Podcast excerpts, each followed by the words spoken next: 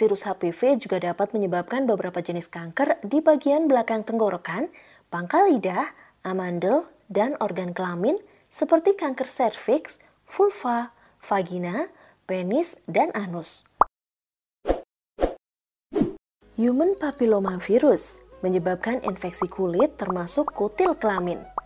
Selain infeksi kulit, virus HPV juga dapat menyebabkan beberapa jenis kanker di bagian belakang tenggorokan, pangkal lidah, amandel, dan organ kelamin seperti kanker serviks, vulva, vagina, penis, dan anus.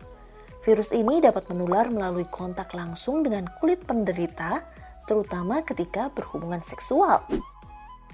Untuk mengatasi infeksi virus HPV, atas rekomendasi WHO, Ikatan Dokter Anak Indonesia memasukkan vaksin HPV ke dalam program imunisasi dasar lengkap. Vaksin ini sangat bermanfaat untuk mencegah dan menurunkan jumlah kasus kanker genital, terutama kanker serviks. Vaksin ini bisa diberikan kepada anak-anak yang memasuki masa remaja, baik perempuan maupun laki-laki, serta kepada orang dewasa yang belum pernah atau belum lengkap mendapatkan vaksin HPV. Anak-anak dan remaja perempuan akan diberitahu kapan waktu vaksinasi HPV perlu dilakukan. Pemberitahuan ini biasanya disampaikan melalui sekolah atau oleh dokter.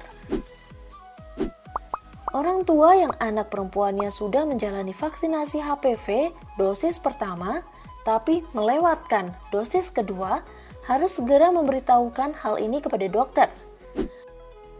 Perlu diingat, sebelum vaksin HPV pertama atau vaksin lanjutan, selalu konsultasi ke dokter terlebih dahulu ya.